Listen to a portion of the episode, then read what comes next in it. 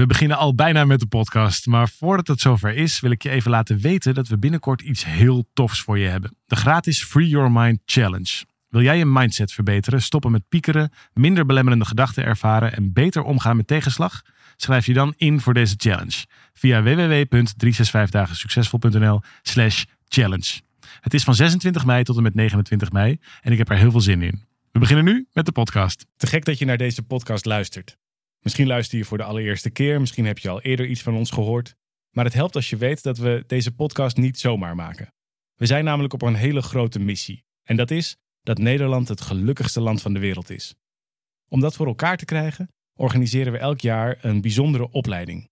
Er zijn nog een paar plekken voor de opleiding van 2020, dus als je wilt, kun je je nog inschrijven voor 14 februari. Wil je erbij zijn? Check dan onze website of ga naar 365podcast.nl voor meer informatie. Zie je daar.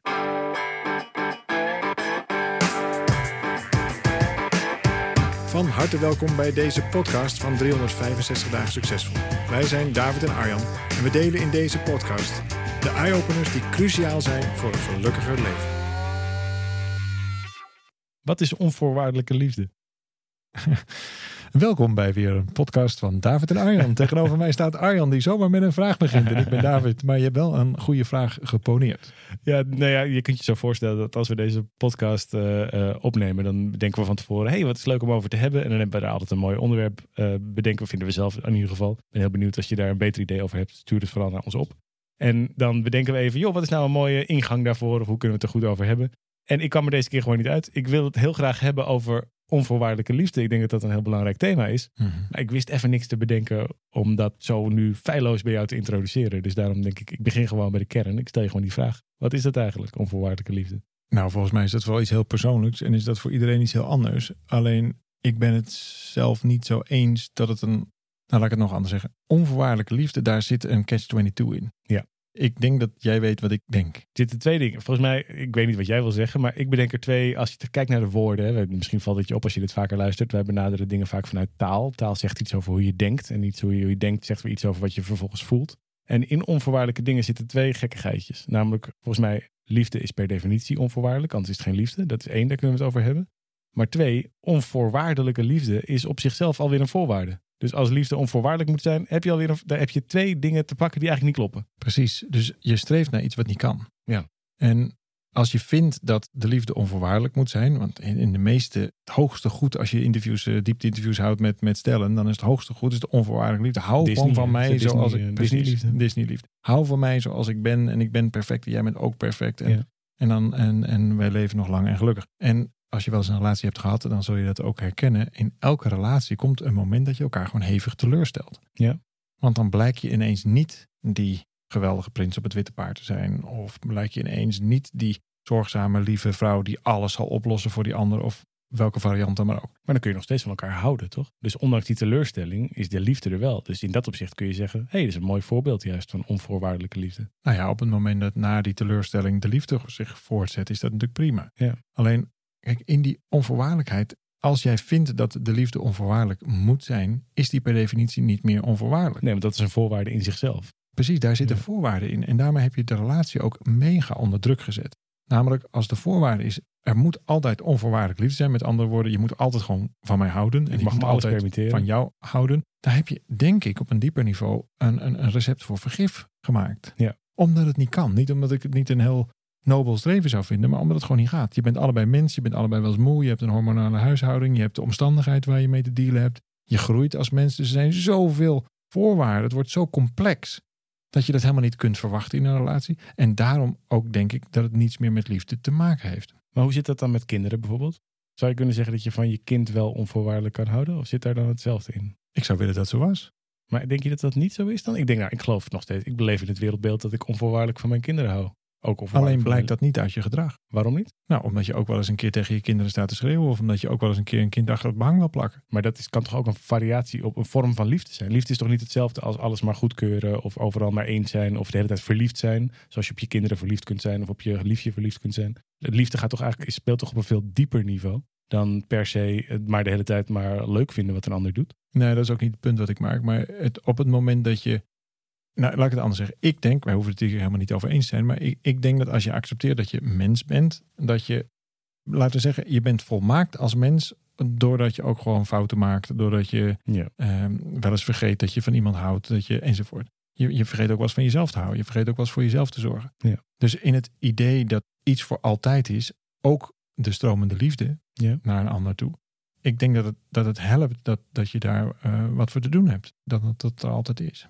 Ja, dat is, ik vind dat wel, want daarmee maak je het heel, ehm, maak je heel bewust een werkwoord ervan. Van het hele, het is een beetje cliché om te zeggen liefde is een werkwoord. Maar jij kiest ervoor, jij zegt zelfs, joh, als je dat niet doet, verdwijnt het. Terwijl, te- terwijl ik, ik, ik zit me nu gewoon hardop af te vragen of, dat, of ik daarmee eens ben. Ik denk namelijk dat ik het dat niet met je eens ben.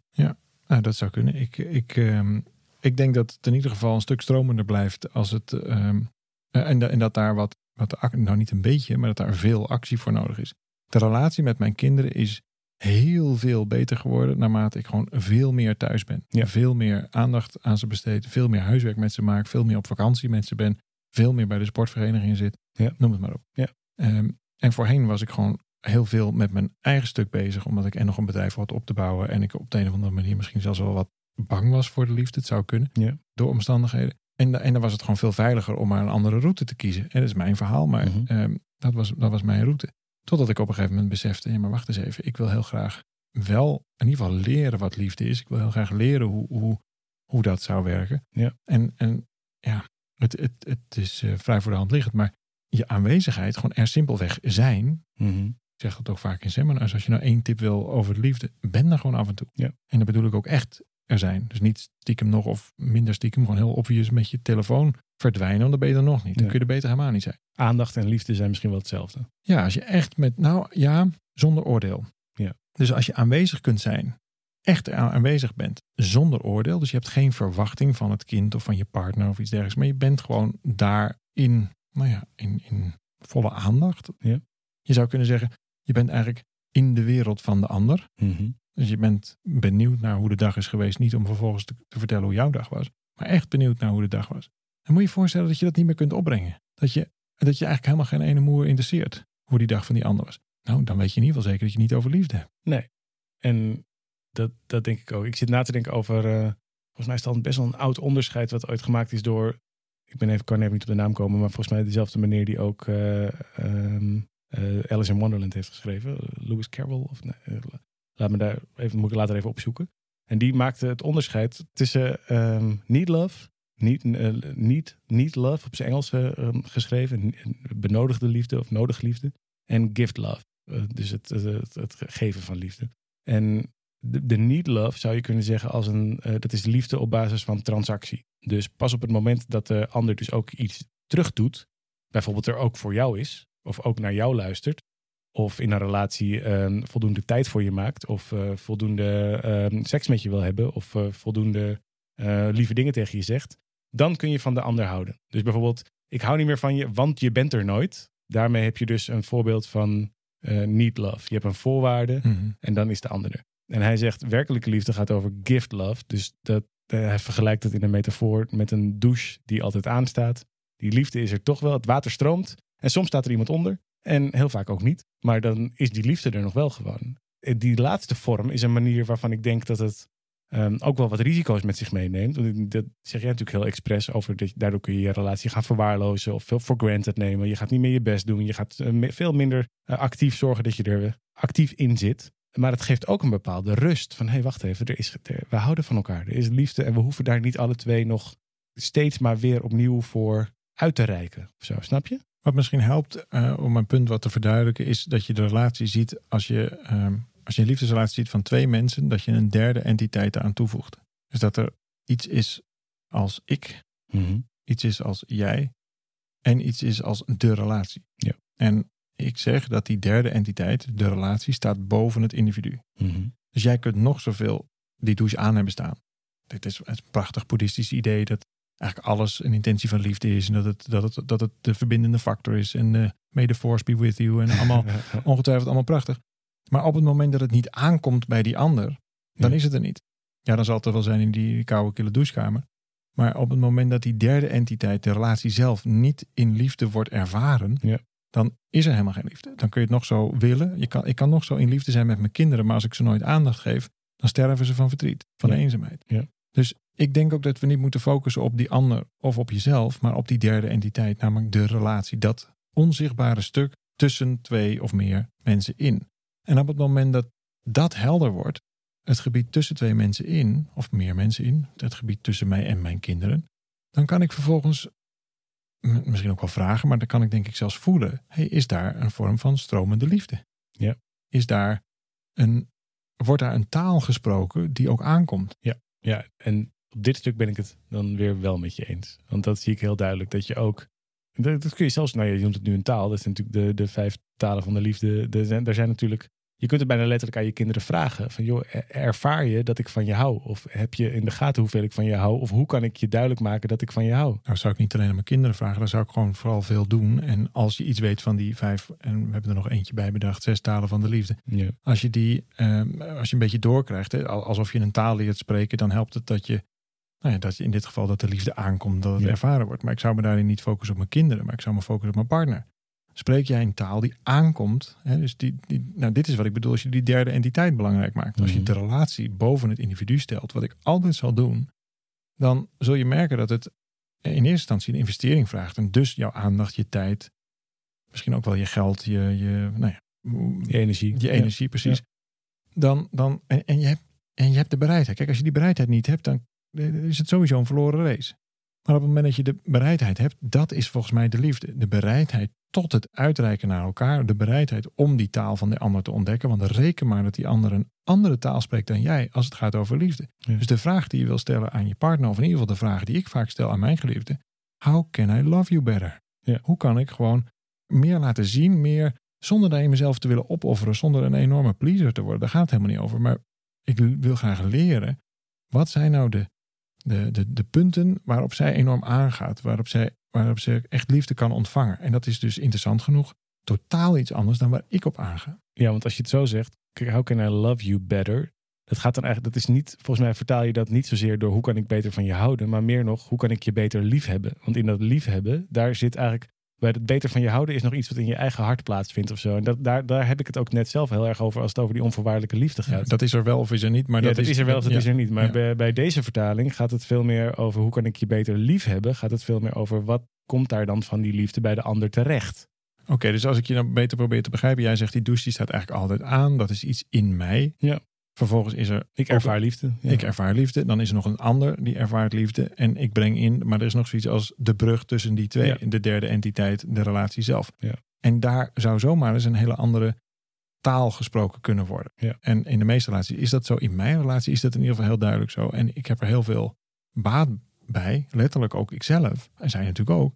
Door steeds beter te snappen. Waar gaat zij nou op aan? Hoe kan ik mijn liefde nou, die echt wel stroomt. En ook, het is echt waar, die stroomt ook door als het een keer minder is. Ja. Dus dat is natuurlijk je eerste punt. Van ja, maar er is toch altijd stromende liefde. Er is toch altijd bij mij een douche die aanstaat. Ja. Maar als ik hem niet over weet te brengen. Als ik hem niet... ehm, Als zij er niet onder staat. nou ja, ook leuk. Maar als, als het niet voelbaar is voor de ander. Dan, dan houdt in ieder geval die relatie op. Kan je nog zoveel van iemand houden. Maar Ja. op een gegeven moment houdt die relatie op. Dan is er eigenlijk geen relatie. Dus de relatie zit hem in volgens mij dat je eh, jezelf inbrengt. Of dat wat je doet, zegt enzovoort in die relaties. Ik, ik heb eerder relaties gehad waarvan ik heel erg verbaasd was dat die relaties overging. Want ik hield toch zoveel van je. Ja. Alleen ja, dat is helemaal niet zo heel relevant. Ik kan nog zoveel van iemand houden. Maar als ik dat dus niet voelbaar, zichtbaar weet te maken. Dat was volkomen langs die ander heen gegaan. Ja.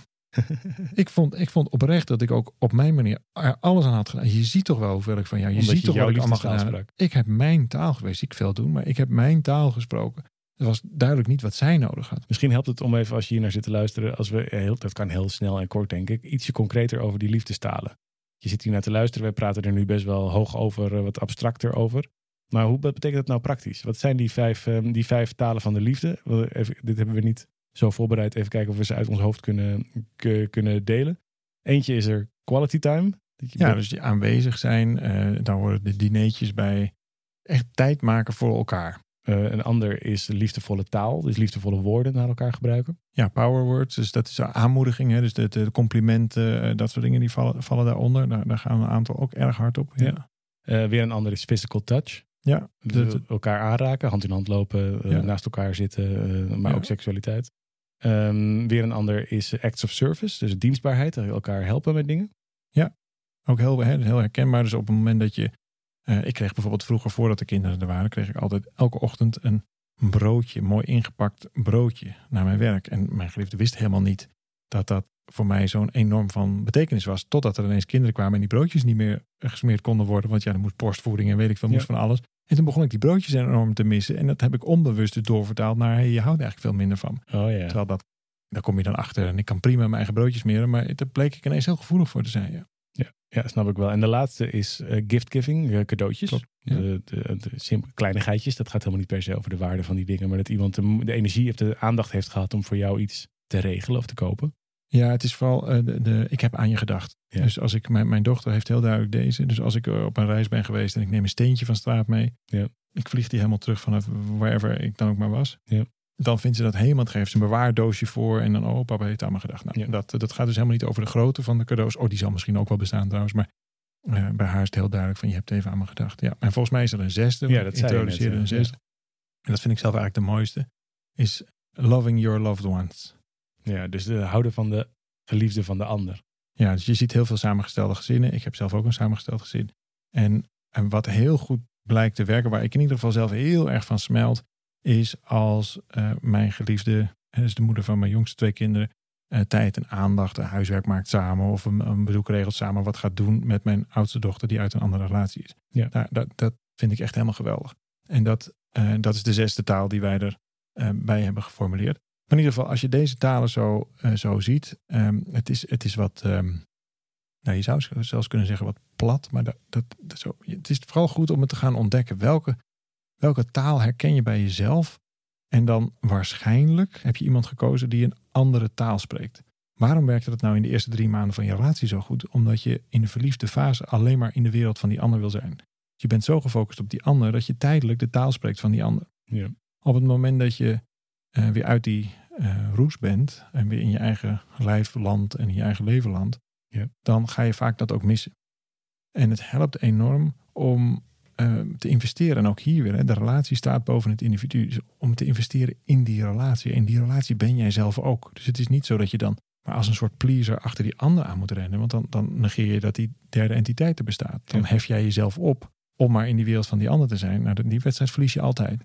Maar op het moment dat je in een derde entiteit investeert, dus de ruimte tussen jullie, dan kan er iets heel moois ontstaan. En op het moment dat je, en, en dit is een, een, een, een heel praktisch iets waar je zo morgen mee aan de slag kan, maar op het moment dat je bereid bent om te investeren in, hey, wat zou die taal van mijn partner zijn? How can I love you better? Dan zul je merken dat er al veel meer energie uit die relatie komt. Dat dat veel, veel leuker wordt. Dat onderzoek aan zich is al heel erg tof. En ik denk dat dat veel meer over liefde gaat dan allerlei regels te maken van, ja, maar eh, Hier doen wij het zo. zo doen wij het hier. Ja. Ja, ja, oh jeetje.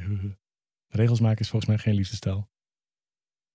Nee, maar wel wat er in de meeste relaties gebeurt. Ja. Er is een fase in die, en dat is de fase na eh, de verliefde fase, is hoe gaan wij dit met elkaar zo eens doen? De power struggle. Ja, wij noemen het de power struggle. Dus je, je, je hebt even uit te vinden, hoe krijgen we dit nou werkend? Hè, dus daarom zeg ik, liefde is een heel mooi ingrediënt in een relatie, maar het is maar één van de ingrediënten. Je kunt nog zoveel van elkaar houden. Als jij het niet werkend krijgt, praktisch, dan vecht je elkaar de tent uit. Misschien wel juist omdat er zoveel liefde is. Precies, want als je namelijk niet van elkaar zou houden en je krijgt het ook niet praktisch, ja, wat doe je Dan dan? maakt met het niet elkaar? uit. Ja, dan, je laat je het van je om, precies, dan laat je van jezelf afglijden en dan is het klaar. Ja. Het wordt wel wat ingewikkelder als er kinderen zijn, maar het is wel vaak zo dat daar waar veel gevochten wordt, ook na scheiding, als het ineens zo'n verschrikkelijke scheidingen zijn, stel jezelf dan nog eens de vraag van, hey, is er niet stiekem op een diep niveau liefde? Is het niet stiekem dat stuk, of eigenlijk dat wat je vindt dat je recht op had, of het niet geziene stuk? En dat is een moeilijke vraag hoor. Want Als je zelf in een, in een vechtscheiding zit, zul je het Ja. ongetwijfeld niet met me eens zijn. Maar misschien later op een rustig moment, of als je er wat dieper op mediteert, dan zul je merken, oh ja, wacht even, dit is, dit is dus niet liefde. Het wordt wel eens, eh, in plaats van een lijn met twee tegenpolen, haat en liefde ver van elkaar vandaan, wordt het vaak als een hoefijzer neergezet. Waarbij uiteindelijk die twee onderste puntjes, haat en liefde, veel dichter bij elkaar liggen dan dat je misschien zou eh, verwachten in eerste instantie. Nou ja, haat is in ieder geval een stap naar achter. Ja. En, eh, en het, het, het, is, ja, het is niet helpend. Nee. En helemaal als daar ehm, kinderen bij zitten. Kijk, weet je als, je, als je verwacht van een, relatie dat die onvoorwaardelijk is. En natuurlijk wil je dat graag. Je wil jezelf natuurlijk helemaal kunnen geven in zo'n relatie. Die anderen ook zichzelf helemaal kunnen geven. En dat, dat alles mooi en rooskleurig. Dat, het is gewoon alleen niet zo. Een relatie is ook gewoon de, de, misschien wel de meest rauwe spiegel die je voorgehouden krijgt. Op de een of andere manier vindt je partner en als je kinderen later krijgt ook vinden altijd knoppen waarvan jij niet wist dat je ze had en al helemaal niet wilde dat iemand daarop ging drukken. Gaan we het volgende keer verder over hebben in een eh, nieuwe podcast. Voor nu vind ik het uh, interessant inzicht dat wat mij betreft liefde onvoorwaardelijk is, maar of de ander dat ook per se zo ervaart en of dus in de relatie, die derde ruimte zoals jij het nu noemt, of daar ook onvoorwaardelijke liefde bestaat. Daarvoor uh, is er wat voorwaarden en vooral veel taal nodig. en zoals we het net besproken hebben in die liefdestalen. Leuk dat je hier naar luistert. Ik ben heel benieuwd naar je eigen inzichten en ervaringen hiermee. Als je daar verder vragen over hebt, please laat het weten. We vinden het alleen maar te gek om met je in gesprek te gaan hierover. Wij maken volgende week weer een nieuwe podcast voor je. Heb je in de tussentijd behoefte aan meer? Weet dan dat op 365podcast.nl je een heleboel mooie achtergronden en informatie kunt vinden. Veel dank voor het luisteren. Te gek als je hem wilt delen als je er enthousiast over bent. En uh, David, ik spreek je volgende week weer. Ja, tot volgende week.